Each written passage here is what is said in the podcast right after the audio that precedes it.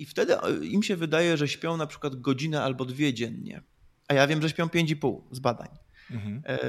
I, i, I z tego, jaka jest psychologia postrzegania snu, ludzie nie wiedzą za bardzo, jak śpią w nocy. I na gorsze, i na lepsze. I wtedy daję im takiego Fitbita i mówię, zróbmy test, zobaczymy faktycznie. My wiemy, ile się może mylić, pomyli się o 15 minut powiedzmy, ale to i tak będziemy mieli jakieś wyniki, więc niech pani nosi tego Fitbita, no i zawsze wygrywam. Zapraszam do podcastu Rozwój Osobisty dla Każdego.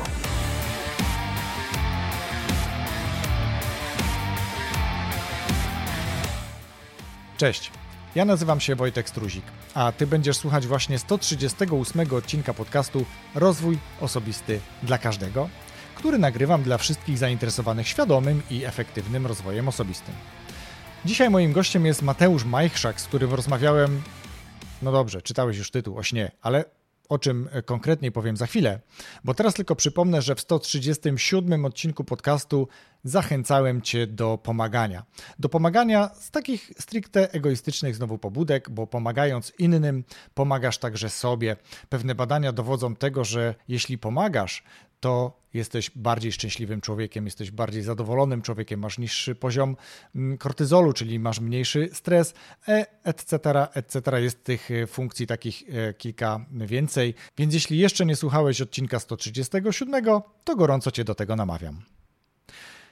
W tym miejscu także pragnę podziękować swoim patronom, którzy dzielnie wspierają mnie w rozwoju tego podcastu, podpowiadają gości, podpowiadają pytania, zadają je niemalże, więc bardzo Wam gorąco za to dziękuję. Odwdzięczam się jak tylko mogę, więc jeśli i Ty chcesz dołączyć do grona tych patronów, to wejdź na stronę patronite.pl łamane przez RODK i wybierz dogodny dla siebie próg wsparcia. A teraz zapraszam do rozmowy z Mateuszem. Z Mateuszem, z którym rozmawialiśmy zarówno o takich gadżetach, które trochę pomagają mierzyć sen, jakość tego snu, które być może podpowiadają, jak robić e, to lepiej, żeby się lepiej wysypiać, lepiej regenerować. Rozmawialiśmy o pewnych takich zwyczajach żywieniowych, nieżywieniowych, które być może wpływają na sen, być może nie, bo rozmawialiśmy też o mitach, które dotyczą snów. Mm, więc jeśli masz jakieś swoje przekonania, masz jakieś swoje doświadczenia, to być może akurat Mateusz obali y, to, co myślałeś na temat snu, a być może poprze to, co już na temat snu wiedziałeś. Więc ja jestem gorącym y, zwolennikiem tego, żeby traktować sen całkiem poważnie, wysypiać się, regenerować, żeby być bardziej efektywnym, zadowolonym dzięki temu też z życia, bo będziesz mieć y, więcej energii, więcej witalności. Dlatego gorąco namawiam, wierzę, że ten odcinek dostarczy Ci co najmniej kilku bardzo ciekawych wskazówek co do tego, jak dobrze spać, żeby się wysypiać, żeby się poprawnie regenerował nasz organizm.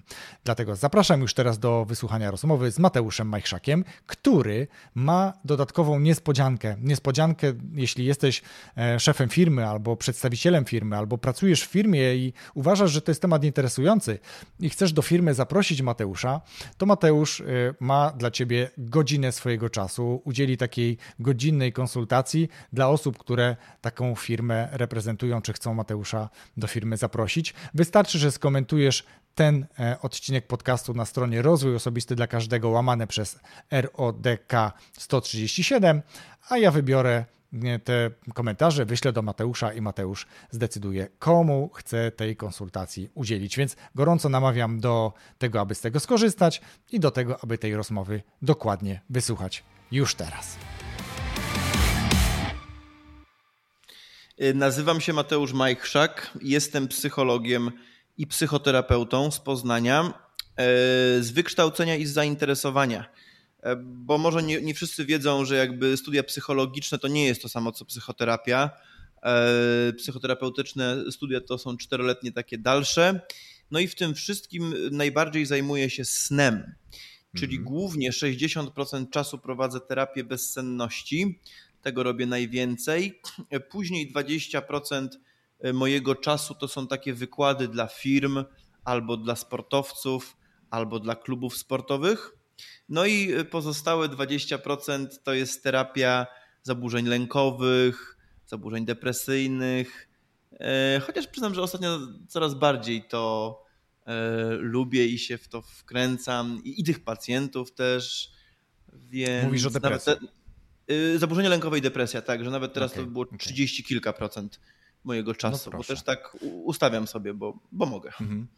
Bo możesz, dokładnie. To jest, to jest ważne, skoro możesz. Y, o depresji mhm. już rozmawiałem z Magdą Kopenhagen, bodajże to był 125 odcinek i z Magdą jeszcze myślę, Muszę e, porozmawiam, e, porozmawiam mm, o trochę innym temacie, o hipnozie mm. tak naprawdę, bo to mnie też interesuje, więc to są takie miejsca już zarezerwowane. Natomiast z tobą faktycznie, Mateuszu, porozmawiamy głównie o śnie. Ja tutaj mm, przyznaję się, przynajmniej wobec, nie pierwszy to już odcinek, gdzie o tym mówię.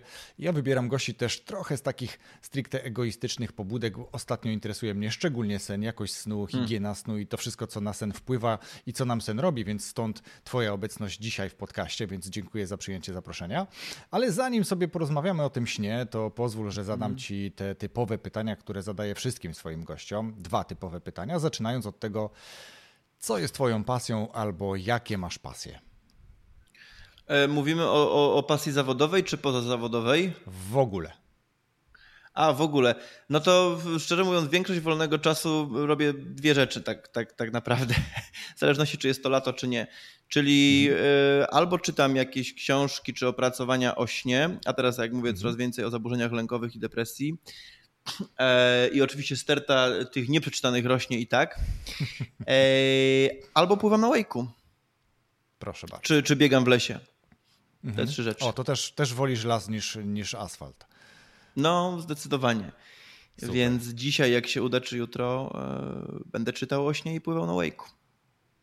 No tak, y, to jest dobra pogoda nawet ku temu. W Poznaniu dzisiaj jest dosyć ciepło. Szkoda, że nie umówiliśmy tak. się gdzieś w plenerze, bo to też mogłoby być ciekawie, ale może kiedy indziej, bo ja mieszkam pod Poznaniem, ty mówisz o Poznaniu, więc proszę bardzo, świat jest bardzo mały. O, Dobra, tak. drugie pytanie, Mateusz. Jak rozumiesz, jak widzisz rozwój osobisty? Mm, no może, e, może trochę inaczej niż, e, chociaż nie wiem, jak inni rozumiem, powiem jak ja po prostu, jako stawanie się trochę, trochę lepszym człowiekiem. I e, ja jak mówię na szkoleniach ludziom, co mogę im powiedzieć ciekawego, to to, że ja faktycznie z ludźmi pracuję i mówią mi szczere rzeczy. Więc, więc ja czasami mam fajne, prowadzę ciekawe dyskusje z pacjentami, takie prawdziwe. Okazuje się, że mamy te same wątpliwości, czy drażnią nas te same rzeczy, dochodzimy do tych samych wniosków i, i okazuje się, że te same techniki często, te same rzeczy muszę zrobić ja, żeby stać się trochę lepszą wersją siebie, czy w pracy, czy w relacjach małżeńskich. To już na inny podcast zostawmy. Eee, co oni? Więc dla mnie to jest tak. rozwój osobisty, który się dzieje bardzo powoli, tak, tak naprawdę rozwój osobisty, nie taki jak, nie wiem, liderzy piszą w książkach, jak, jakimi byli liderami.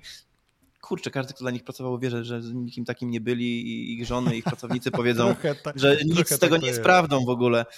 Więc tak. my tak wiemy mniej więcej, jacy jesteśmy, jak trudno jest wyeliminować złe nawyki, więc, więc ten rozwój bym tak właśnie pojął. Takie małe kroczki. Ja, ja nazywam to, jak z pacjentami pracuję, małe cegiełki Będziemy mhm. dokładać małe cegiełki i, i, mhm. i sobie gratulować, jak nam się uda. Dokładnie. Y, dobrze, że powiedziałeś, że to jest y, proces, który długo trwa, to jest proces, który mozolnie się buduje. To jest w ogóle proces, tak? jakby rozwój osobisty. Y, to nie jest coś takiego, co, nie wiem, przeczytasz jedną książkę i już można powiedzieć, zakończyłeś swój proces rozwoju. To trwa tak naprawdę tak. Całe życie, a im bardziej robimy to świadomie, im bardziej jakby wybieramy tematy, obszary rozwoju zgodne z naszymi potrzebami, czy to zawodowymi, o których mówiłeś, czy też tymi osobistymi, mm. czy to właśnie potrzebami związanymi e, z byciem lepszym w relacjach, no to tak. po prostu będzie nam lepiej, jeżeli będziemy robili to świadomie. Ja w początku, na początku podcastu zawsze mówię, że to jest podcast dla tych, którzy chcą rozwijać się świadomie i efektywnie, tak w uproszczeniu powiem. No dobrze, tak. E, przejdźmy w takim razie, Mateusz, do snu. E, mhm. Ja e, swojego czasu podchodziłem do snu, tak wiesz, trochę zachęcony aplikacją kolegi, trochę sobie tam podglądałem, patrzyłem śpiąc w, w zegarku, w iWatchu, to jest jakby też dużo takich e, przeróżnych gadżetów, które coś podpowiadają, czy to mhm. Aura Ring, czy, czy, czy inne takie tego typu tak. gadżety właśnie. Natomiast może zacznijmy od tego, od takiego, wiesz, ABC tak naprawdę, czyli dlaczego w ogóle sen jest ważny? No, sen e, to nie jest tak, jak się niektórym ludziom wydaje, że to tylko się wyłączamy na noc, jest takie off i nic się nie dzieje. Tylko bardzo dużo się e, dzieje, jakbyśmy spojrzeli na taki wykres, na hipnogram, gdzie bardzo ładnie widać te fazy snu. Jakbyśmy poszli do laboratorium snu i by nam nałożyli te różne kable na wszystkie części ciała i wszystko pomierzyli, to byśmy zobaczyli, że tam się wiele dzieje i są różne fazy snu. Niektóre bardziej ważne, niektóre mniej. Na przykład te ważne, na przykład faza snu głębokiego odpowiada za regenerację, naprawę tkanek, ale też ma dobry wpływ na, na nasz mózg, na, na korę przedczołową i psychologowie by powiedzieli po psychologicznemu na hamowanie e, impulsów, czyli na silną wolę. E, z tego mhm. wynika w ogóle dużo później rzeczy, jak stajemy się gorszymi pracownikami, gorszymi mężami i rodzicami, kiedy mamy osłabioną, nadwyrężoną wolę bo nam w życiu potrzebna jest bardzo silna wola, hamowanie swoich impulsów pracy. No, nie, nie, chce, nie chcemy wybuchnąć szefowi. To jest ta, ta, ta jedna rzecz, której nie możemy zrobić. Myślę, że nie chcemy też wybuchnąć e, pracownikom, ale okej, okay, rozumiem, no właśnie, bardziej niebezpiecznie szef pracownikom też. Szefowi. No tak, dla, naszego, dla naszej ścieżki zawodowej to jest ta jedna rzecz. E, więc sen głęboki to jest taka podstawa ale później w kolejności, jakbyśmy też zobaczyli na ten hipnogram, e, mamy fazę REM i faza REM ma dużo funkcji, bo uczymy się nowych rzeczy, nowych słówek po angielsku, uczymy się w sporcie, jak słuchają tego sportowcy, nowych ruchów. Następuje konsolidacja pamięci tej e, motorycznej i tej, tej takiej deklaratywnej, e, czyli uczymy się jazdy na nartach i tak dalej, ale też okazuje się, że faza snu REM, to być może niektórzy słuchacze słyszeli, e, tam się dzieją sny. Śnimy w fazie rapid eye movement, kiedy nam tak oczy chodzą w boki. I okazuje się, że sny, nawet te czasami lękowe czy smutne, też mają e, dobry wpływ na mhm. nas. Może przytoczę jedno takie klasyczne badanie e, Rosalind Cartwright, która e, przepytywała ludzi podczas ciężkich rozwodów. Dawała im kwestionariusze BDI, czyli inwentarz depresji Becka, pytała o czym śnią i tak dalej. Mhm. No i po roku ich spotkała i chciała zobaczyć, co tam u nich. I okazało się, że osoby, które śniły o swoim ekspartnerze podczas tych ciężkich rozwodów, no i możemy się domyślić, że nie były to najprzyjemniejsze sny, to były ciężkie, emocjonalne sny te osoby miały się lepiej niż osoby, które nie miały tych snów. Mhm. E, czyli nawet smutne i lękowe sny mogą być dla naszej psychiki dobre, bo wtedy obrabiamy te rzeczy, trawimy, umieszczamy je w dziwnych kontekstach, ale przez to możemy nabrać do nich trochę innego stosunku. Tak w ogóle przy, przypomniało mi się, e, że są pewne rzeczy, które możemy zrobić, które zmniejszają zdecydowanie fazę snurem, na przykład alkohol, tłumi mhm. fazę snurem. Niektóre antydepresanty, to już e, dobry psychiatra wie, które antydepresanty zmniejszają fazę snurem, więc jest trochę rzeczy, które ludzie robią, które im tą fazę REM e, zmniejszają, niszczą. Mhm. Tak, o takich rzeczach, które wspierają lub y, wpływają y, degradująco na jakość snu, na sen, też sobie jeszcze porozmawiamy, bo to nie sam alkohol i nie tylko mówimy o takim negatywnym wpływie, aczkolwiek dobrze o tym powiedzieć, bo wtedy wiemy, czego potencjalnie unikać, ale o tym też za chwilę porozmawiamy.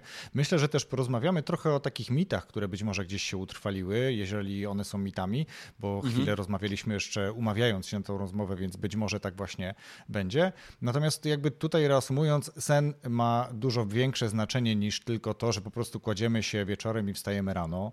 E, tak. Ale jakby to, to jest kwestia regeneracji, o której mówiłeś, regeneracji mózgu, ciała, zapamiętywania. Mówiłeś o fazie głębokiej, o fazie REM. Tych faz faktycznie jest mm. kilka jeszcze.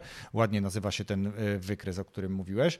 E, te, ten wykres dostępny jest też w aplikacjach, więc może porozmawiamy chwilę o tym, co taki Kowalski Nowak może zrobić sam, nie podpinając się w laboratorium pod te kabelki, o których mówiłeś, tylko żeby jakoś świadomie oglądać y, możliwie zbliżony do tego laboratoryjnego pomiaru y, sen, żeby móc jakoś wpływać na to, żeby ten, y, ta faza REM była, żeby ta faza mhm. głęboka trwała tyle, ile ma trwać, bo to też ma jakieś takie swoje założenia, mhm. ten, ta, ta struktura tego snu, prawda? Płytki, mhm. głęboki mhm. i tak dalej. Więc jakby może porozmawiajmy chwilę o tych gadżetach. Czy masz takie doświadczenie, albo czy mógłbyś powiedzieć, co działa, działa, co nie działa, co działa lepiej na przykład, które z takich mhm. urządzeń. Wiemy, że te smart watche na przykład e, całkiem przyzwoicie mierzą jakość snu. Smart bandy to już chyba troszeczkę e, zbyt proste urządzenia. Mhm. Jest jeszcze taki produkt testowany też, aczkolwiek trochę ekskluzywny niestety, czyli Ora Ring, który też jakby jest dedykowany tak, tak naprawdę pomiarom snu. Więc o tym porozmawiajmy. Co, co o tym sądzisz? Jak to u ciebie wygląda? Jak, jaką masz wiedzę na ten temat? Mhm.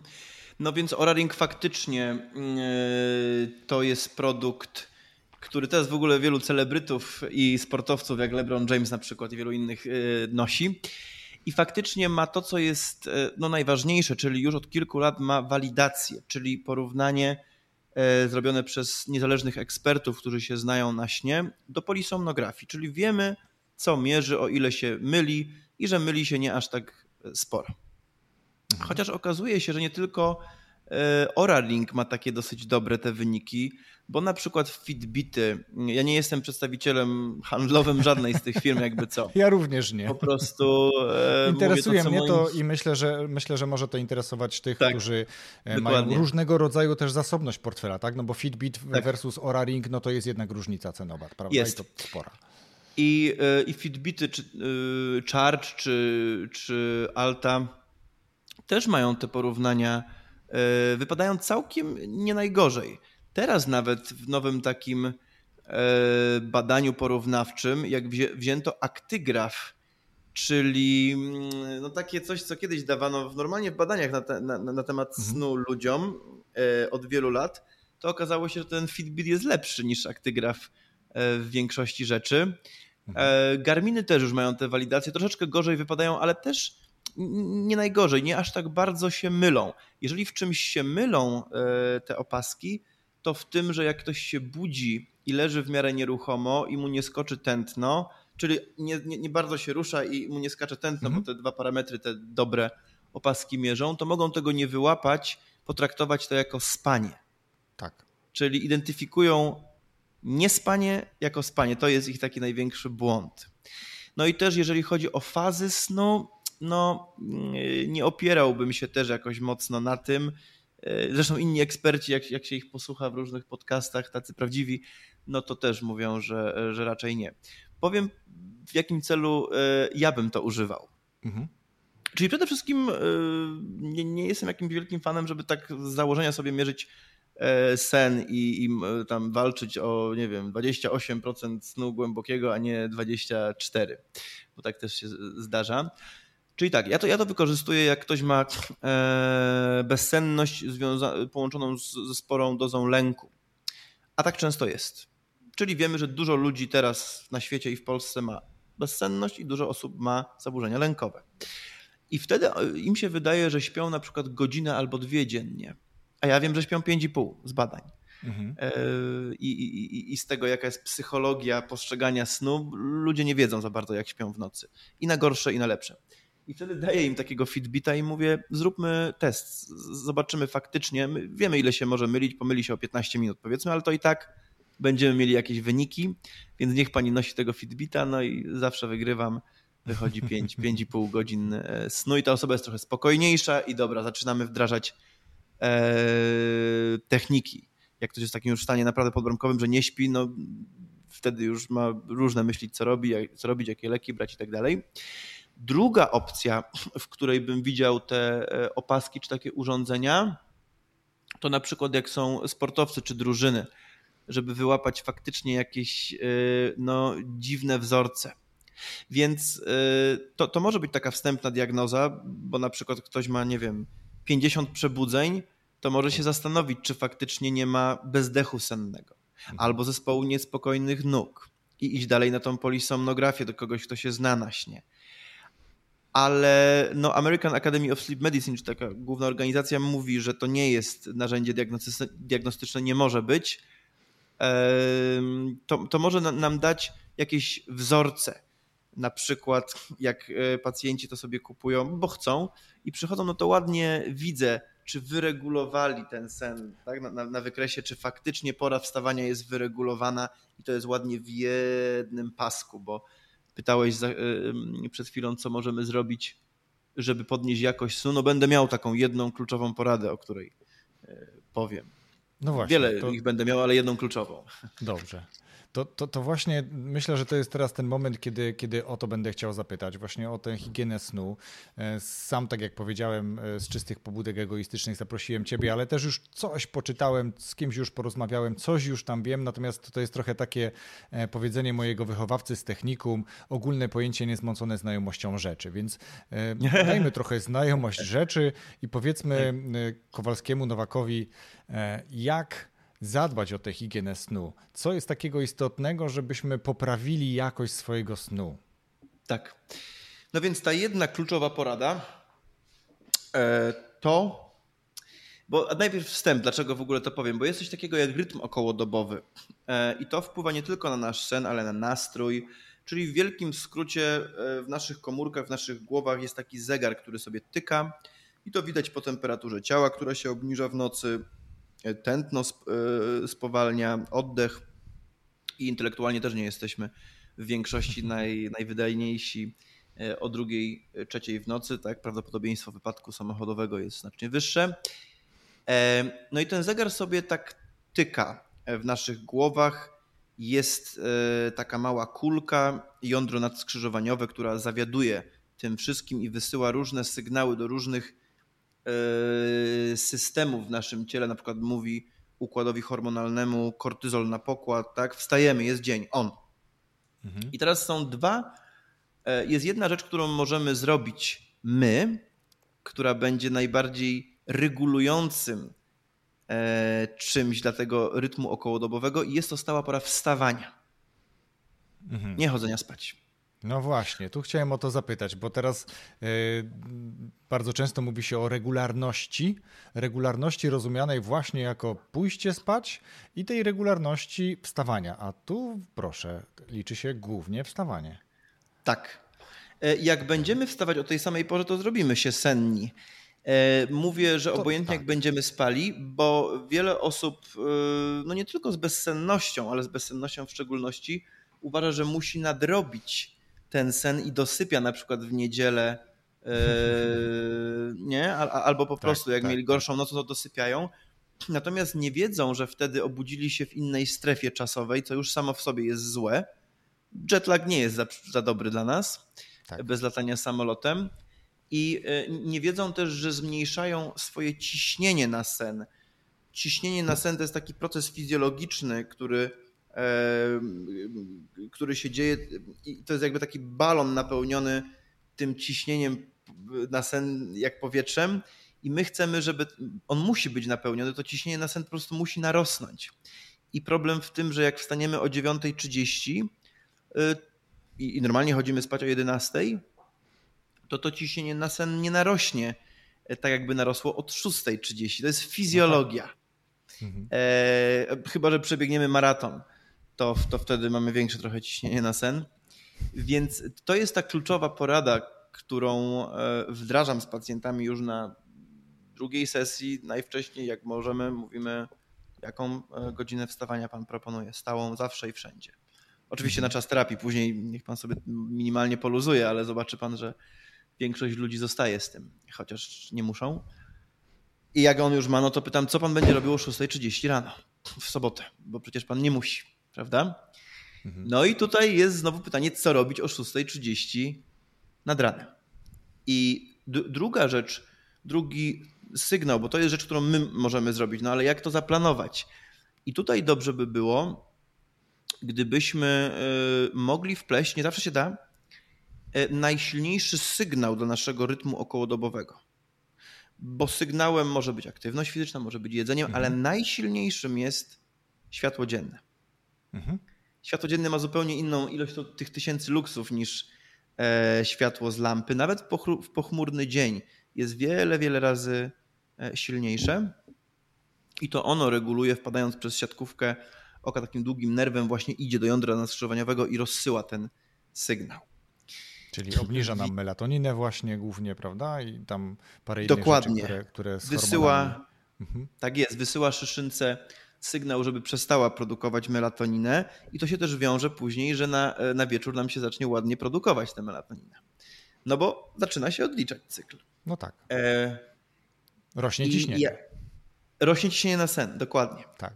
I mm, ja zawsze kombinuję, jak to jest możliwe, jak moglibyśmy to światło dzienne, choć skoro wiemy, że to jest taka potęga, światło dzienne to potęga, wstawanie o tej samej porze to potęga, jak moglibyśmy tutaj wymyślić jakąś kombinację?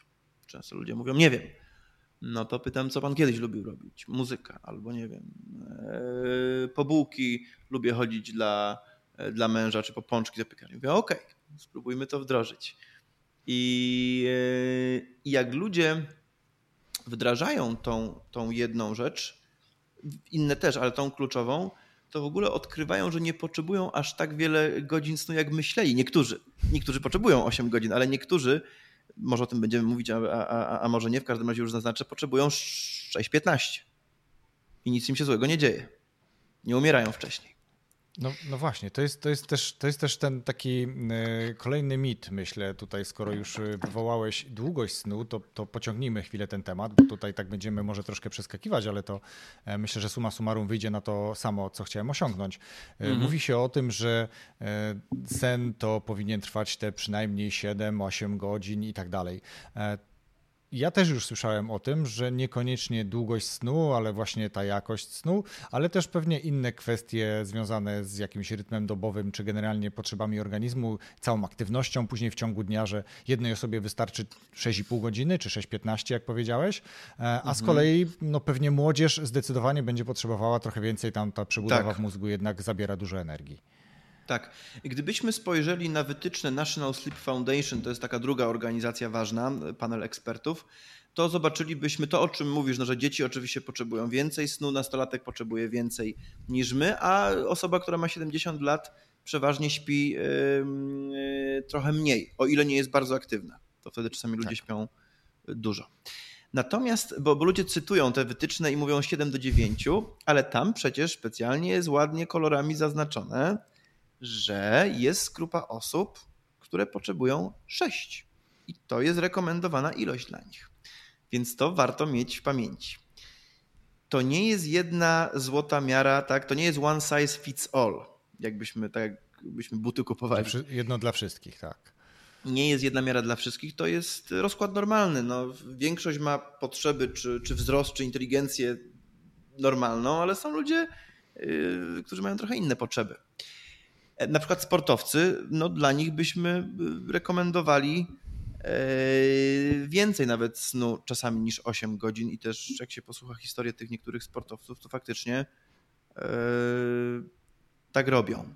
A, mhm. tak w ogóle jak weźmiemy badania, ale takie faktycznie badania niedeklaratywne, że pytamy ludzi ile śpią, bo, bo, bo one wiadomo zawsze są obarczone pewnym błędem, kwestionariusze. Pomiarów. Do, dokładnie. E, to wychodzi, że mhm. mężczyźni śpią 6,25, a kobiety 6,50. Okej. Okay. Nie 8. Powiem jeszcze jedną ciekawą rzecz. E, nie, nie twierdząc, że, że nie ma ludzi, którzy nie powinni spać 8 godzin. I, i, i dzieci oczywiście, i nastolatkowie, tak, te normy są, nie, nie kwestionujemy im.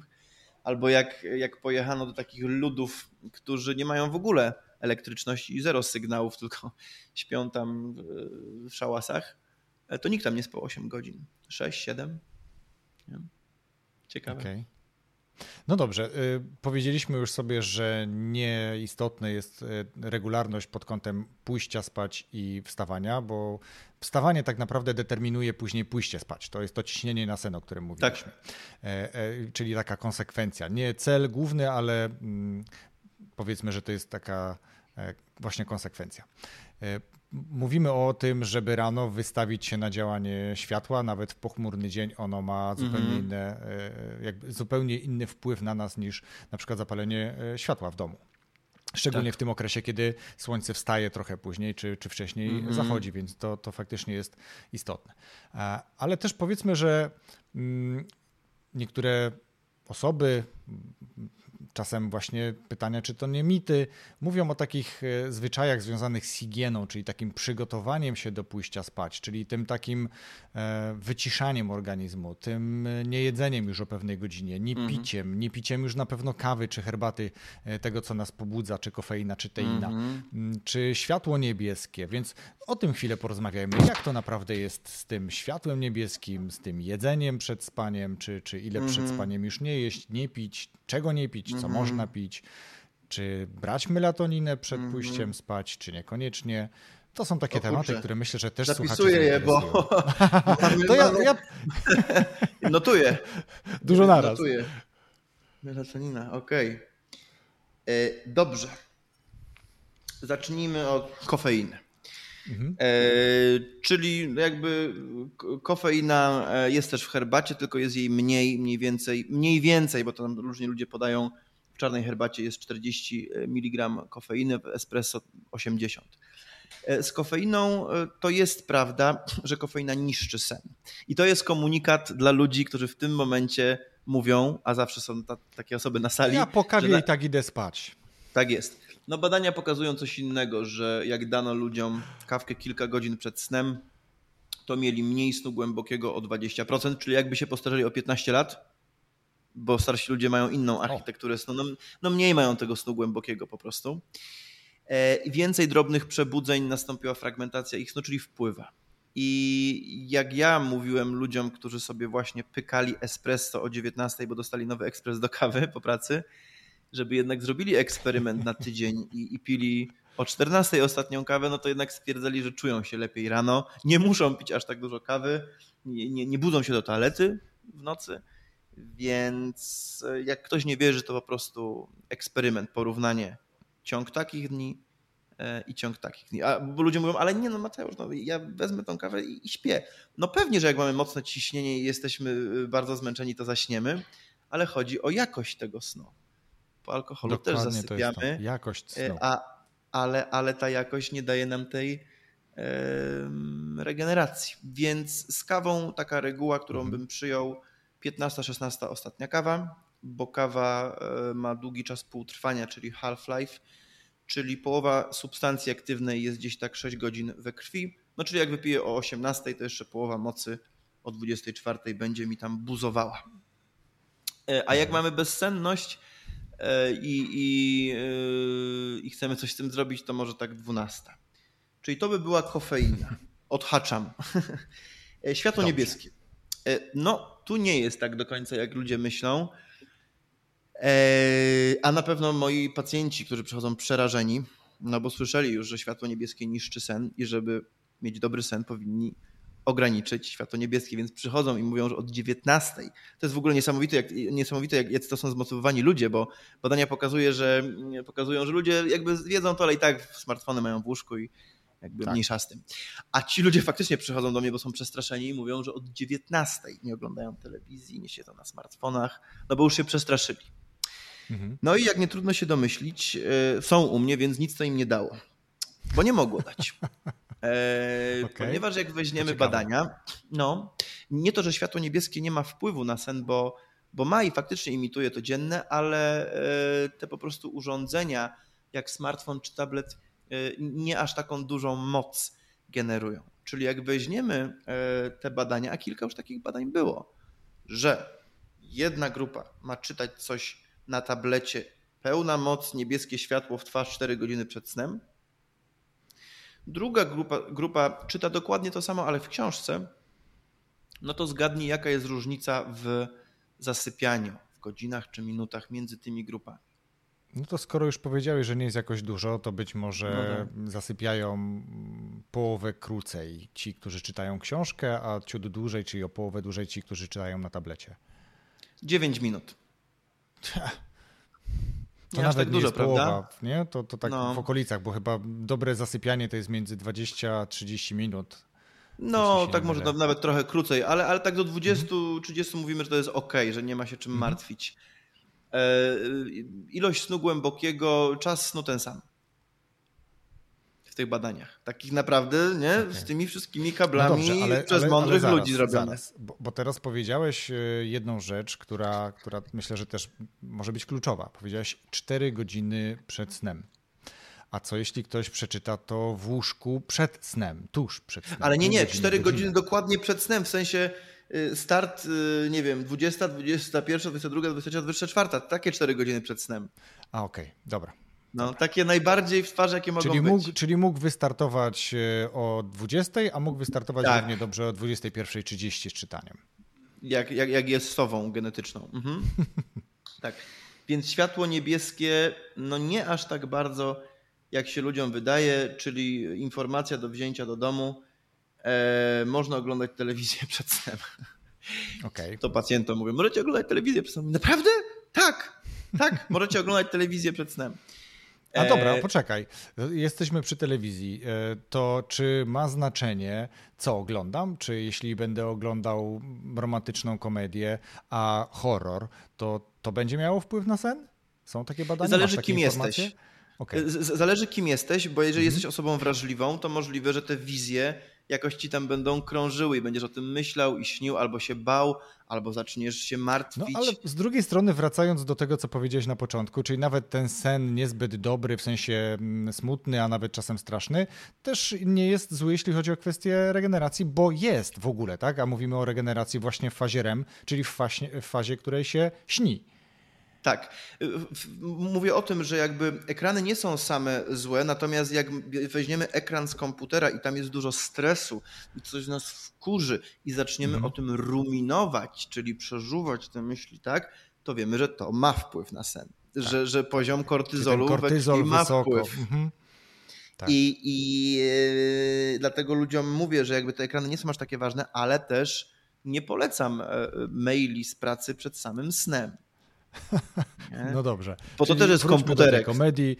Tak, niech to będzie komedia raczej niż maile e, z pracy. To, to już mamy Od zamknięty temat. Dokładnie. Co tam mamy na e, liście? Mamy chyba melatoninę. Melatonina. Czyli standardowo melatonina nie jest na bezsenność, to jest jeden z tych mitów. Czyli jak mhm. pójdziemy do apteki, a robiłem sobie takie eksperymenty i zapytamy panią, e, mam bezsenność, co by pani mi poleciła, to wiele z nich powie melatonina. E, melatonina nie jest na bezsenność, e, ona jest chronobiotykiem, czyli reguluje nam ten wewnętrzny zegar. To jest hormon nocy, a nie senności, bo niektóre zwierzęta e, wydzielają melatoninę w nocy i nie robią się senne. Więc to nie, to nie jest z zasady hormon senności. Mhm. No i ona jest dobra, kiedy mamy nocki, czyli pracę zmianową. To są takie wytyczne e, Polskiego Towarzystwa Badań nad Snem, które można sobie pobrać, taki PDF i tam jest ładnie opisane ile miligram, kiedy i, inne jeszcze wskazówki. Mhm. E, jak, jak e, są osoby niewidome i nie mają tych komórek światłoczułych, żeby tak trochę nastawić ten, ten zegar. Są też badania na nastolatkach, które mają opóźnioną fazę zasypiania, bo nastolatki generalnie później zasypiają, ale niektóre to mają w ogóle to rozregulowane, że to im e, coś daje. No i jeszcze dwie tutaj okazje. Osoby starsze czasami mniej tej melatoniny wydzielają, są takie badania i wtedy to też może im być pomocne. Czy też kobiety e, po 55 roku życia.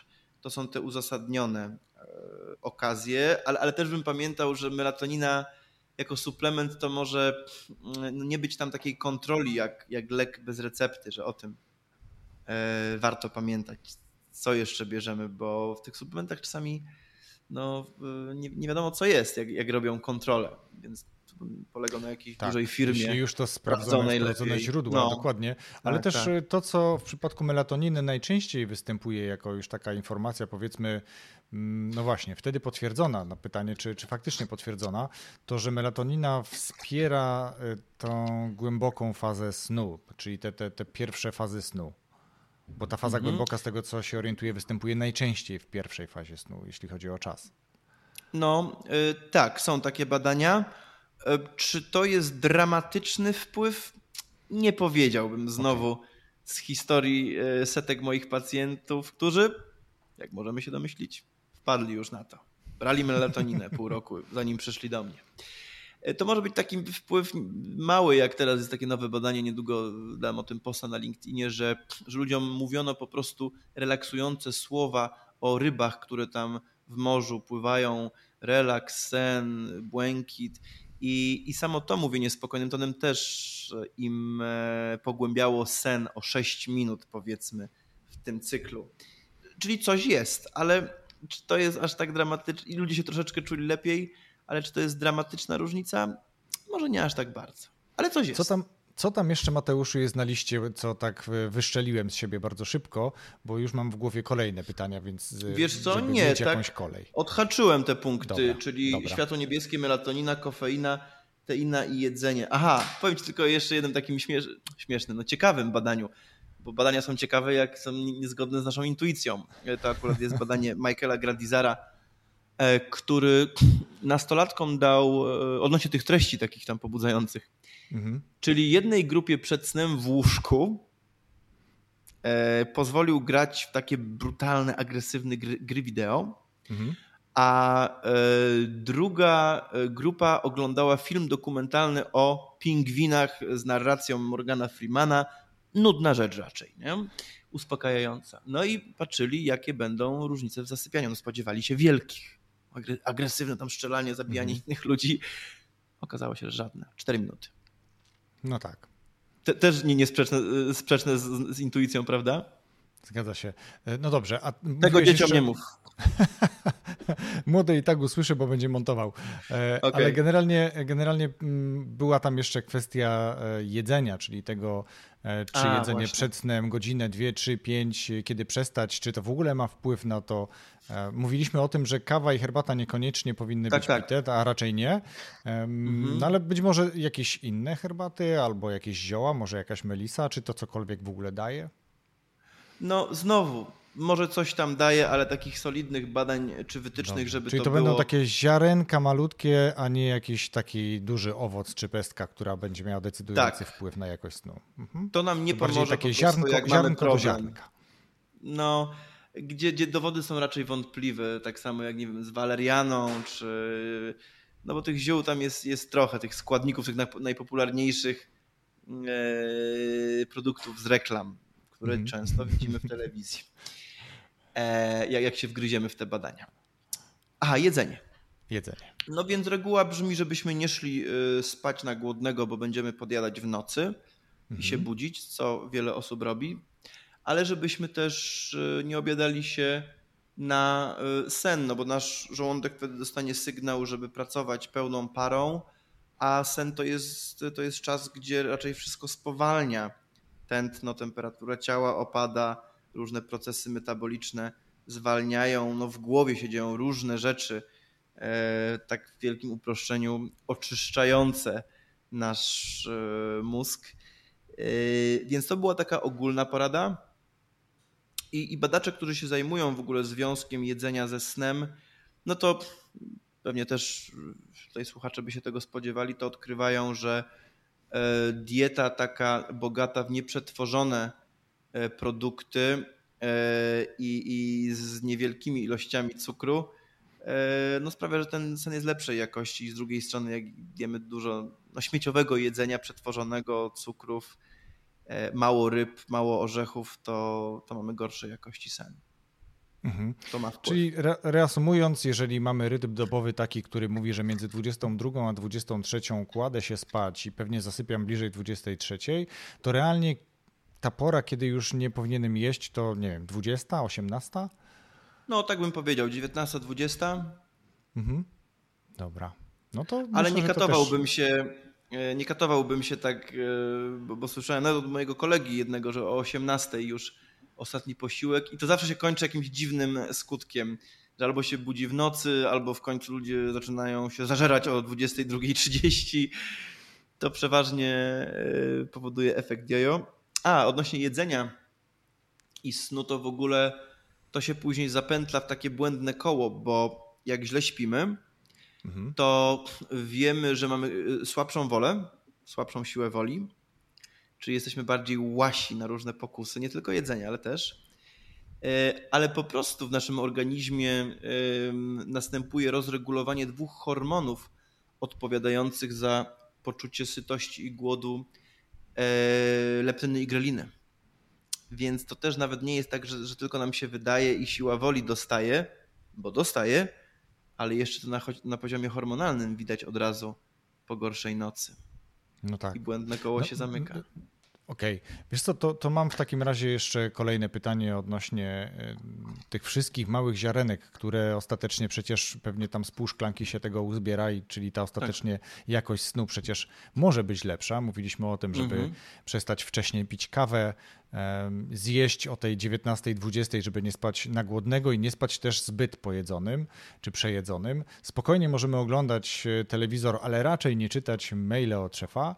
Mhm. Coś tam pewnie by się uzbierało, natomiast mnie bardzo zaciekawiła ta rzecz, o której mówiłeś, e, o tym mówieniu o rybach, o oceanie, czyli takim łagodnym, e, hipnotycznym, czy hipno, tak. hipnotyzującym wręcz głosem. Trochę tak. Więc pytanie, bo jakby część tych aplikacji, albo chyba większa część tak naprawdę tych aplikacji, które, których zadaniem jest wpływanie na polepszenie jakości snu, podpowiadają właśnie o tym, czy mówią o tym, żeby przygotować się do, wejść dobrze w tę fazę snu, czyli już trochę zmniejszać aktywność przed pójściem spać, już właśnie trochę uspokajać organizm, żeby dobrze wejść. Czyli tutaj znowu ci, którzy lubią sobie zrobić trening wieczorny, pytanie, czy ten ich trening y, jakoś wpływa, późny trening na, na jakość snu? No, zależy na jakim jest tętnie, bo y, taka złota reguła w medycynie snu to było nie 3 godziny E, przed snem, czyli nie później niż 3 godziny przed snem wysiłek fizyczny. Mhm. Natomiast znowu jak wejdzie, weźmiemy badania metaanalizy, to okazuje się, że nawet jak ludzie ćwiczyli półtorej godziny przed snem, to nie zaburzało im to snu i, i jakości.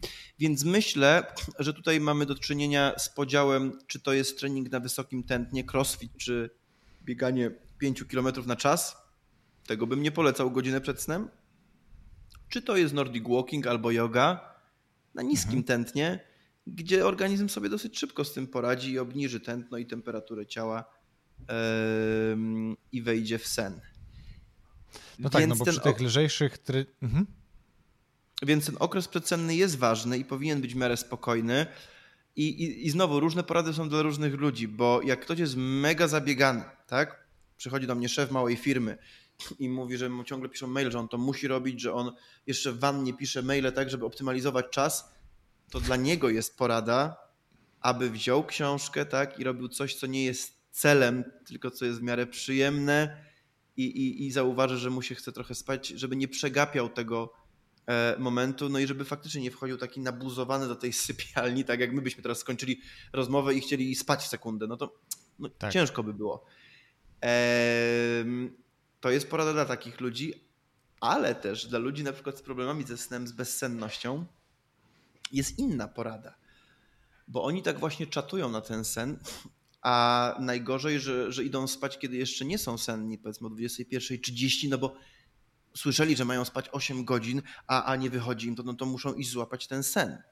Więc im mówię, że taka jest technika. To jest najsilniejsza technika z całej terapii poznawczo-behawioralnej bezsenności, która jest najbardziej skuteczną terapią we wszystkich terapiach, tak w ogóle mhm. procentowo. E Czyli oblicza się faktycznie, ile ktoś śpi, powiedzmy 6 godzin wychodzi mu, że śpi i chodzi spać o 21, a ja mu mówię, że teraz będzie chodził o 12.30 spać i wstawał o 6.30 przez tydzień czy dwa. A to dlatego właśnie, żeby zwiększyć u tej osoby z bezsennością ciśnienie, ciśnienie, na, sen. ciśnienie na sen. I, i, I nagle pada pytanie, jak, jak, ja, jak ja wytrzymam do e, jak ja wytrzymam do 12.30. Ja mówię, o to mi chodzi. Ma pan do mnie przyjść ze skargami, że pana wgniatała senność. Nie wiem, niech pan się przejdzie, niech pan idzie do lasu, niech pan coś zrobi, niech pan nie zasypia na kanapie. Ci ludzie mają odwrócić to, żeby nie czatować na sen za bardzo, tylko żeby ta senność ich wgniotła. Mhm. Czyli z jednej Dobrze. strony. Tak, tak, kończ. kończ. No, czyli z jednej strony porada dla tych zabieganych jest wyluzujcie, wytnijcie tą godzinę przed snem, tak? Już i tak nic super nie, nie zrobicie, a psujecie sobie kolejny dzień. Ale dla tych ludzi, którzy mają dużo lęku i, i, no i klasycznie idą za wcześnie spać i leżą w łóżku bez snu, co jest złe, kojarzenie łóżka z niespaniem i zmartwieniem się i stresem jest złe yy, z wielu powodów, to ta technika jest odwrotna. I, I wtedy następuje skojarzenie łóżka z tym miejscem, gdzie już po prostu ludzie odpływają, no bo nie, mhm. nie mogą wytrzymać, tak? ja się z nimi zastanawiam, co, co mają teraz zrobić, żeby nie zasnąć nagle o 11.30. Więc to taka zmiana perspektywy. Jasne, czyli jakby znowu e, pokrótce próbując reasumować, czyli bardzo aktywny crossfitowy na przykład trening, który owszem po zakończeniu wyrzuca nam endorfiny, jesteśmy szczęśliwi, ale też przy okazji e, przy tak intensywnych treningach przecież e, wyrzuca się dużo kortyzolu, więc to właśnie ten kortyzol nie jest wtedy za dobry, a z kolei właśnie yoga, spacer, takie spokojna, nisko tętnowa, chciałem powiedzieć, czyli przy niskim tętnie e, aktywność jest pozytywna, bo wyrzucamy mhm. endorfiny, ale nie ma tego e, kortyzolu. I tu chcę przejść znowu do tego, co też e, jakby poleca się, rekomenduje w tej fazie przygotowawczej do pójścia spać, czyli do tego uspokajania organizmu, głowy, myśli, medytację. Co myślisz hmm. o medytacjach w kontekście jakości snu? No, e, medytacje to jest bardzo ciekawy e, temat, bo mm, ja bym to rozbił na dwie rzeczy. Na, mhm. na, na medytację jako na techniki relaksacji, to, to bym wziął z jednej strony, i na uważność, jak, jako praktyki uważności. Bo jeżeli chodzi o relaksację, to oczywiście są badania i to jakby nie od dzisiaj wiemy, że techniki relaksujące pomagają nam obniżyć tętno, trochę się wyciszyć i, i mogą być dobrą i przydatną praktyką. I w podręcznikach, w podręcznikach wielu mądrych osób mm, terapii bezsenności, to one gdzieś tam w którymś momencie są. Natomiast e, powiem Ci, że e, często możemy i ludzie wpadają w taką pułapkę tego, że próbują się wyciszyć, czy to w stresującej sytuacji, technikami relaksacyjnymi, Albo jak nie mogą spać, wstają i mówią, dobra, Jakobson, progresywna relaksacja mięśni. I im to nie wychodzi. No bo dziwne, żeby wyszło, tak? Dziwne, żebym się uspokoił e, techniką relaksacji przy moim temperamencie po e, kłótni z żoną. Dlatego ja rozumiem moich pacjentów i tak jak ci mówiłem, lubię z nimi rozmawiać. Mówię, na mnie też nie działa. Tak, nie, nie, nie, zdzierżę tego, nie, nie, nie jestem w stanie. E, czyli tak, techniki relaksacji mają swoje uzasadnienie i regularne ich praktykowanie może nam pomóc, ale możemy też się troszeczkę zawieść. I na pewno technika relaksacji nie jest kluczem e, do, w terapii bezsenności. Jest gdzieś tam na którejś sesji, jako coś takiego dodatkowego, że uczy, uczymy się trochę obniżać ten, spowalniać oddech i, i okej. Okay. Natomiast ta uważność, no to, to, to jest trochę inna bajka, no bo to, tą uważność to nie tylko w, e, w bezsenności można zastosować jako obserwowanie tych swoich myśli, lękowych, tak? Bycie bardziej świadomym i, i tu mamy różne techniki, ale, ale po prostu uważność jest, e, jest fajna w życiu, w stresie, w zaburzeniach lękowych, w depresji. Wszędzie tam są badania i, i w takich dobrych protokołach ta uważność gdzieś tam jest. Dla mnie najlepsza jest uważność nie w tych formalnych ćwiczeniach, czyli że siedzę tam przed ścianą i Czego ja, ja na przykład tego nie, nie mogę zdzierżyć. Ja już naprawdę dużo książek o tym przeczytałem, mądrych ludzi, podziwiam ich, ale nie jestem absolutnie w stanie, podobnie jak moi pacjenci, tego zdzierżyć. E, więc, e, więc dobre są też te techniki uważności takie mniej formalne, gdzie ludzie sobie sami wymyślają, kiedy mogliby wetknąć uważność. Na przykład, że jak idą do domu, to mogliby w końcu te domy poobserwować, czy remontują. Zauważyć to. Nie, nie być w myślach drzewa, nie? Tak. E, albo, że jak jadą tramwajem, to mogą poczuć, jak im mięśnie się napinają i obserwować twarze ludzi. Być obecnym tu i teraz. Albo, przykład mój, mojej pacjentki z, z wczoraj, usiąść na murku po rowerze, kiedy już człowiek nie jest taki nabuzowany i po prostu popatrzeć na jakąś tam okolicę. 10 minut. Tak, takie realne bardziej dla nas rzeczy do wklejenia, ta, ta, ta uważność, czy czy uważne chodzenie na przykład na spacer z córeczką, nie? Co, co jest do zrobienia, jak zostawimy smartfona. Nie? I, i, i no głośne, tak. to, to przykład innego pacjenta, i głośne komentowanie, co widzimy. O. Nie? Głośne podkreślanie tej, podkreślanie tej uważności. Po prostu mówienie, że wchodzimy na górę, korzenie, o wow, szyszki. Tak? Faktycznie bardziej bycie tu i teraz, co, co nie jest łatwe. Mhm. Mateusz, mam pytanie od jednego z patronów, patronki konkretnie. O. Jak zmienić przez lata wypracowany nawyk siedzenia do późna, tak między 24 a 1, w nawyk, że kładę się około 22? Co ty na takie pytanie? No pytanie, y, jaki o której ta, ta osoba, osoba wstaje? Ma, to jest raz. Dwa, jaki ma chronotyp? bo może jest sową i nic nie musi zmieniać. Więc sugerowałbym najpierw sobie pobrać kwestionariusz MEQ. E, to jest kwestionariusz na, na chronotypy. Ja spróbuję Zobacz. podlinkować do opisu tego podcastu zarówno ten kwestionariusz, Dobrze. o którym mówiłeś, jak i ten PDF o, odnośnie dawkowania melatoniny, co ona tam robi, bo okay. tak to zrozumiałem. Więc Są za darmo popro- w Google, najwyżej, więc... poproszę, najwyżej poproszę Ciebie o pomoc, gdybym nie mógł no. znaleźć, ale myślę, że Pewnie. znajdę i podlinkuję, więc ułatwimy naszym y, słuchaczom sprawę. Będą mogli sobie po prostu w opisie tego odcinka tak. podcastu y, to pobrać. Więc y, takie pytanie bym zadał na początku. Drugie pytanie bym zadał, o której wstaję, no bo jak wstaję o czwartej rano, tak, bo chcę zostać milionerem, no to bym raczej przypuszczał, o ile nie jest tym wąskim procenciku populacji short sleeperów, że, że, że to jednak będzie miało negatywny wpływ na, na jej czy jego psychikę. E, dalej bym zapytał, albo dał kwestionariusz e, Epworth, czy jest ta osoba senna w ciągu dnia, czy przysypia w dziwnych miejscach. Nie? E, bo od tego zaczynamy. Ten sen jest po to, żebyśmy się czuli dobrze i żebyśmy nie byli senni w ciągu dnia i żebyśmy optymalnie funkcjonowali bez 10 kaw. I to by mi dalej dało e, azymut do dalszych e, rozważań.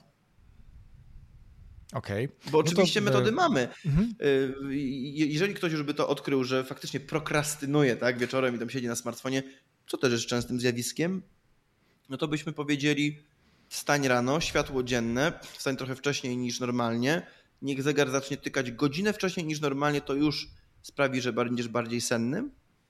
I o godzinie, nie wiem, dziesiątej zacznij yy, czytać książkę. Po prostu czytać, czytaj książkę od dziesiątej. To samo w sobie dla większości ludzi, no zdarzają się takie pojedyncze przykłady ludzi, którzy mówią, że tak ich wciągnęła e, książka, że tam 5 godzin nie spali, ale to książki są nudne raczej. E, ludzie zasypiają przy książkach. Eee, no, no nigdy nie miałem tak, jakby czasami ludzie mówią, bo, bo jest taka technika, że jak ktoś nie może spać, to ja mówię, wyjdźcie sobie gdzieś i siedźcie, oglądajcie telewizję czy czytajcie książkę. Wróćcie, jak będziecie senni. No i wtedy ludzie mówią, no jak, no przecież jak zaczytam w książkę, moją interesującą, to całą noc nie będę e, spała. A ja mówię, zróbmy eksperyment. Biorę to na siebie. Najwyżej będzie tak, jakby pani była na imprezie całą, całą noc, zdarzało się, więc tak będzie tylko zdrowiej z książką, więc zróbmy eksperyment. No nigdy to się nie stało. Mhm. Ludzie zasypiają przy książkach. Więc y, ta jedna zmiana, czyli y, rano, godzina wcześniej i światło dzienne i mniej stymulujących bodźców niż przypuszczam dotychczas tej osoby, ta osoba ma, jakbym miał szczelać, bo, bo nie znam jej, normalnie bym wypytał, no to już mhm, trochę powinno jasne. dać. To jeszcze jedno pytanie w takim razie, też od patronów podcastu. E, co myślisz na temat snu polifazowego? E, myślę, że jest zły i inni mądrzy ludzie z, ze snu też myślą, że jest zły. A co powiedzmy, oznacza... co to jest. Powiedzmy, co to jest, bo ten patron z pewnością wie, natomiast e, wiele osób może tak. nie wiedzieć, co to jest w ogóle sen polifazowy. To jest celowe rozbijanie snu na odcinki, na przykład półtorej godzinne albo jeszcze mniejsze co nie jest dobre, no bo sen ma swoją architekturę, tak? On sobie tak płynie w swoim tempie i, i to jest wszystko poukładane i jak to będziemy rozcinać, to możemy nie trafić tak idealnie, raczej nie trafimy. Co nie znaczy, że jak ktoś ma tego snu za mało, na przykład 5 godzin i jest rodzicem, ma małe dziecko, e, że półtorej godzinna dżemka albo półgodzinna, bo są takie dwie opcje do wyboru, w zależności ile nam tego snu brakuje, nie będzie dobrym pomysłem i mu tych baterii nie naładuje. Ale takie celowe spanie w kilku odcinkach nie za dobry pomysł. Okay. Czyli nie. Ja muszę powiedzieć, że y, nie. raczej nie zdarza mi się drzemać mnie na przykład w ciągu dnia, ale może, nie wiem, w ostatnim roku miałem jedną czy dwie takie sytuacje, gdzie faktycznie na chwilę na fotelu przymknąłem oko, to pewnie trwało dosłownie kilka minut, gdyby tak y, na to popatrzeć, może dziesięć, e, mhm. ale później jestem taki nie do życia taki rozdrażniony, taki wiesz, nieswój i to wcale y, ta dżemka, mam takie wrażenie, nie wpłynęła pozytywnie na, na, wiesz, na regenerację, na cokolwiek, Aha. bo automatycznie też trochę zakłócił się ten rytm dobowy i nie poszedłem spać o 23 czy 22.30, tylko jednak trochę się to przeciągnęło. Jak z tymi dżemkami jest jeszcze, powiedzmy? no właśnie. E, tu warto zaznaczyć, że nie każdy tak będzie miał jak ty. Mhm. E, pewnie masz wrażliwą tą, e, wrażliwy ten sen. W każdym razie te dżemki, okazuje się 10-15 minut też nam mogą coś dać i są badania, które pokazują, że faktycznie ludzie jak mają trochę za mało snu, czyli 5 godzin w nocy, to jak im dasz opcję 10-15 minut, no to polepszają się na testach, gdzie bada się czas reakcji, czy jakieś tam inne sprawności psychomotoryczne. Natomiast tak, to trzeba sprawdzić. Jeżeli mamy bezsenność i depresję, to, to, to dżemki nie są wskazane. I tak jak powiedziałem, wtedy warto robić albo taką do pół godziny, żeby nie wejść jeszcze w ten sen głęboki i się nie obudzić takim rozbitym, takim naprawdę rozbitym, że godzinę w ogóle nie mogę dojść to, do trochę siebie. Tak, trochę, trochę o mnie. No. Albo jak już faktycznie mamy tego snu za mało, bo mamy małe dziecko, które płacze w nocy, no to drzemka półtorej godziny, czyli taki pełny jakby cykl snu jest zalecana, ale znowu musimy zobaczyć, jak to wpłynie na sen nocny.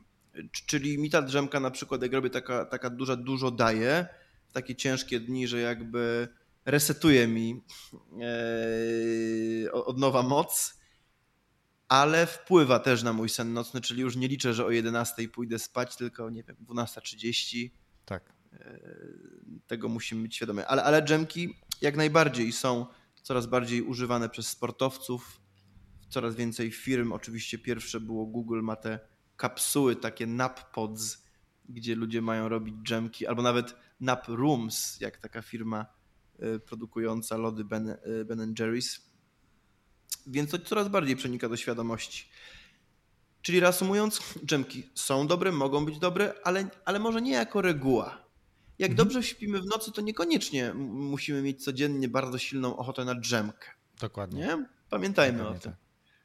Super. Mateusz, myślę, że daliśmy bardzo, bardzo dużo E, wskazówek co do tego, jak zwracać uwagę, jak być uważnym właśnie w stosunku co do tego swojego snu, że niekoniecznie potrzebujemy sprzętów i aparatów, ale te kilka rad, o których mówiłeś, patrz, wstawaj regularnie o tej samej porze, e, to, to jest e, myślę taka kluczowa, sam zresztą powiedziałeś, że kluczowa, ale każdy dla siebie na pewno coś wynotuje z tego odcinka podcastu, więc ja zapytam ciebie teraz, tak jak też pytam swoich gości o to, jaką książkę albo jakie książki poleciłbyś słuchaczom tego podcastu? One wcale nie muszą oczywiście dotyczyć snu. Po prostu niech to będzie A. książka, która tobie się spodobała, okay. która tobie mm, wywarła na tobie jakieś szczególne wrażenie i chodzi właśnie mhm. o takie pozycje. No powiem jednak najpierw o śnie, no bo jestem tutaj gościem odnośnie snu. Super. Więc y, może y, o, o, śnie to jest taka y, w miarę nowa książka Dlaczego jeszcze nie śpisz? Chrisa Wintera. E, wiele osób, które się interesuje snem, zna już książkę Matthew Walkera Dlaczego śpimy, więc tego no właśnie wymieniłem, ale o tym już no wiedzą. Będzie tak czy inaczej dopisane. Tak. E, tam jest bardzo dużo ciekawostek. E, natomiast dla dzieci, o, o śnie dzieci, to jest taka książka Sen dzieci Magdy Kaczor. Takiej mhm no, mega ekspertki, psychiatry w tym, w tym temacie, która potężna książka. No, Świetnie, myślę, każdy super. ją powinien w takim razie przeczytać. Wszystkie, wszystkie te trzy pozycje podlinkuję, więc słuchacze znowu będą mogli sobie wejść w opis tego odcinka podcastu mhm. i do tego trafić. A... Mogę jeszcze tylko jeszcze jedną coś. zapomniałem. Jasne, jasne. Zapomniałem o najnowszej książce Pokonaj bezsenność w sześciu krokach. E, takich dwóch polskich największych ekspertek od terapii bezsenności, nawet jedną z nich znam i kiedyś się szkoliłem tam w Warszawie, e, siedziałem sobie z boku na krzesełku, patrząc jak ona tą terapię bezsenności prowadzi i, i wtedy stwierdziłem, to jest to. Mhm. Będę robił takie rzeczy. Tak, w sześciu krokach, a powiesz autorów? E, Małgorzata Fornal-Pawłowska i Ewa Walecik-Ufnal. Super, dobrze, czyli tą książkę, no. jeszcze, tę książkę jeszcze dodaję. Jak Świetnie ktoś ma problemy z bezsennością, tak. A wiele Czyli osób mamy ma. cztery, cztery, cztery ciekawe pozycje dotyczące snu. Fantastycznie, bardzo dziękuję. E, my spotkaliśmy się, czy też ja zaczepiłem Ciebie na LinkedInie e, i to jest też taki moment, kiedy ja pytam swoich gości o to, po pierwsze, gdzie chcieliby kierować potencjalnych e, słuchaczy, czy słuchaczy potencjalnie zainteresowanych na przykład dalszą rozmową, albo żeby trochę sobie poczytali, pośledzili więcej, co mhm. publikujesz w sieci. Więc zakładam, że LinkedIn to będzie jedno z takich miejsc. Czy gdzieś tak. jeszcze? No na fejsie też publikuję te same rzeczy, tylko jakoś LinkedIn mi bardziej wychodzi. E, mhm. Nie wiem czemu, bo nie jestem ekspertem w mediach społecznościowych. Będę musiał później jakiś kurs z Facebooka, to nieuchronnie mnie czeka. Albo z LinkedIna. Ale też, albo z LinkedIna nie najgorzej mi idzie chyba miarę dużo tych no Tak, ale wiesz, jak, ale jak mówi się o tym, że lepiej, lepiej poprawiać to, co już robimy dzisiaj dobrze, A. niż dużo energii e, dać tam, gdzie nie do końca nam idzie. Więc jeśli dzisiaj dobrze A może też masz rację, no? to potencjalnie lepiej to rozhulać jeszcze bardziej na LinkedInie, niż dużo czasu i energii i być może też pieniędzy poświęcić tak. na to, żeby to poszło na Facebooku. Ja myślę, że generalnie to społeczność wie. LinkedIna jest bardziej świadoma tego e, i tam jest więcej takich treści eksperckich, bo takie treści tam przecież właśnie publikujesz. No, no i te, te rzeczy są też na mojej stronie powrzucane jako takie kafelki w baza wiedzy i tam jest, no już się nazbierało tego dużo o śnie w depresji, o terapii koszmarów, o śnie u starszych osób, o powiedz jeszcze nazwę, snu, Powiedz jeszcze nazwę tej strony Mateusz, to ja ją oczywiście www, też www.leczeniebezsenność.pl Nie bezsenności, tylko bez, leczeniebezsenność.pl Czyli bezsenność polskich, polskie, tak. E, używając polskich znaków. Świetnie, no to w takim razie ta strona też będzie podlinkowana, e, a ja generalnie bardzo dziękuję Ci za tę rozmowę. Dziękuję, że się zgodziłeś Również. na nią, e, że znalazłeś czas, bo to też takie specyficzne nagranie. Nagrywamy dzisiaj w sobotę, gdzie mógłbyś mm. teraz pewnie sobie gdzieś spacerować ze swoją żoną i, i doświadczać tego ciepła słonecznego. Ale okej, okay, jeszcze myślę, zdążę, jeszcze mam nadzieję. sporo czasu. Właśnie, sporo jeszcze czasu. Mam jeszcze, nadzieję, więc... Wojciechu, że nadrobię. więc udanego popołudnia i bardzo raz jeszcze jeszcze dziękuję Ci za tę rozmowę. Również dziękuję i pozdrawiam. Rozwój osobisty dla każdego.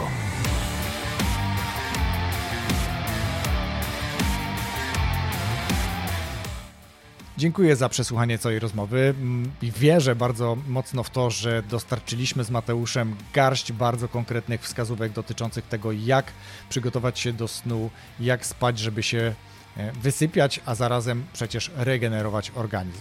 Jeśli tego jest Ci mało, albo chcesz podzielić się tą wiedzą, to z jednej strony możesz oczywiście udostępnić ten podcast innym, ale możesz też napisać komentarz na stronie rozwójosobisty dla każdego.pl łamane przez RODK 138 i zostawić komentarz, który wybierzemy wspólnie z Mateuszem i Mateusz taką godzinę swojego czasu przeznaczy na konsultację w Twojej firmie. Gorąco do tego namawiam. A dzisiaj dziękuję za wysłuchanie tej rozmowy i zapraszam już za tydzień, w piątek. Moim gościem będzie specyficzna osoba, e, Chris Florek, który odniósł całkiem duży sukces w Holandii, napisał kilka książek, jest tam przedsiębiorcą, szanowanym przez Polaków i Holendrów, ale o czym rozmawialiśmy, to już poproszę, żebyś zaczekał, zaczekała do premiery odcinka właśnie za tydzień w piątek. A dzisiaj bardzo dziękuję raz jeszcze i wszystkiego dobrego.